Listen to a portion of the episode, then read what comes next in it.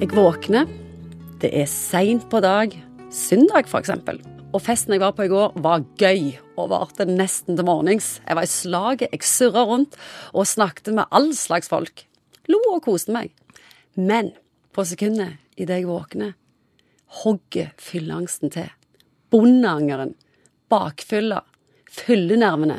Det slår ut i full blomst. Psykolog Egon Hagen, hva er fylleangst? Jeg pleier å si det litt sånn pedagogisk at det som går opp på kvelden, det må da tilsvare ned egentlig på dagen erpå. Og nå tenker jeg at du sikkert refererer til alkohol, men det er jo en kjensgjerning òg at mange ruser seg opp på andre ting. Og kan oppleve faktisk at disse nedturene kan bli voldsomt intense. Og, og jeg tror at De som jeg har snakket med som har mest plager med dette, er gjerne folk som på en måte er opptatt av å framstå kanskje ja, seriøst. og Da blir det på en måte litt sånn uforenlig med det hvis de har tatt den helt ut og vært veldig annerledes egentlig enn sånn som de ønsker å være. Ja, det som ofte skjer i, når, du, når du drikker, så, så, så, er det mange ting som skjer i hodet ditt. Noe av det viktigste er at den administrerende direktøren din som skal styre impulsene som kommer nedenfra, den går liksom på hvilevakt, og du er ikke like presis i forhold til er nå dette så lurt, og kan du si alle de tingene som du, du kommer på. Og så er vi elendige til å tolke kroppsspråk når vi er fulle. Så får ikke du med deg signaler heller fra andre som ellers hadde hjulpet deg til å, til, liksom, til å manøvrere bedre. Og Det er nok det som på en måte er, er, det vanskelige, nemlig at vi har sagt og gjort og ting som under normale edru omstendigheter ville ha greid å holdt med på en armlengdes avstand. Og så er kanskje ikke hukommelsen helt på stell heller dagen etterpå? Nei, ofte er det jo sånn at du husker faktisk veldig dårlig. Og, og noen ganger er det sånn at disse ulike høydepunktene de kommer liksom bare rullende på deg utover formiddagen og ettermiddagen. Passerer i revy. Å nei. Ja.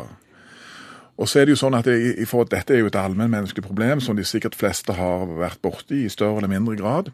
Og da er det jo litt sånn snusfornuft. altså. Det eneste måten vi vet faktisk å håndtere dette på, det er å drikke mindre rett og slett eller slutte å drikke. Mange har jo funnet ut det der at hvis de er vekke fra sprit f.eks., så går dette mye greiere. Eller hvis de hopper over litt konjakk etter tolv osv. Der er vi sikkert litt forskjellige på måter å unngå at vi får den der brå oppvåkningen egentlig dagen etterpå. Er det vits i å ha fylleangst? Ja, Fullangst er jo på en måte en justering. sånn at Hvis det ikke var en kostnadsside knytta til det å ruse seg, så hadde vi kanskje gjort det enda mer. Men nå vet vi at hvis vi går ut på lørdagen og holder på til fire om morgenen, så blir den søndagen annerledes enn den ellers hadde blitt. Sånn at heldigvis er det en kostnad knytta til det å drikke. Så er det jo sånn at når du snakker med andre, så forteller de 'nei, du var helt fin, du'. Hvorfor lager vi det så mye verre i hodene våre? Ja, Fantasien er jo noen ganger den verste fienden vi har. Og folk er jo stort sett opptatt av seg sjøl, og de husker kanskje heller ikke så mye hvordan du egentlig var. For de har sin egen fulle angst å stri med. Eh, men det, jeg tror det er litt det der med out of character. At hvis du tenker at jeg er en veldig sånn frisk og spontan og kreativ, herlig person og jeg er edru, da er det på en måte greit å være det òg når du blir sånn, litt sein på kvelden. Men hvis du tenker at det er ikke meg, så vil det nok oppleves som mer sånn jeg-fremmende og feil, egentlig. Jeg er ikke sånn. Jeg er ikke sånn. Jeg er en annen.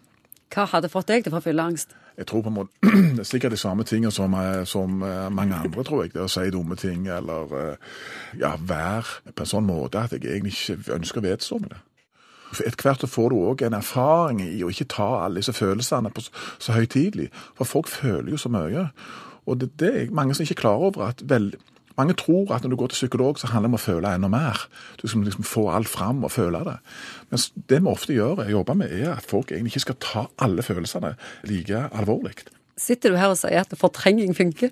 For jeg sier det at En godt utvikla glemsel er en viktig forutsetning for å ha et lykkelig liv, og det tror jeg spesielt gjelder knytta til dette temaet her.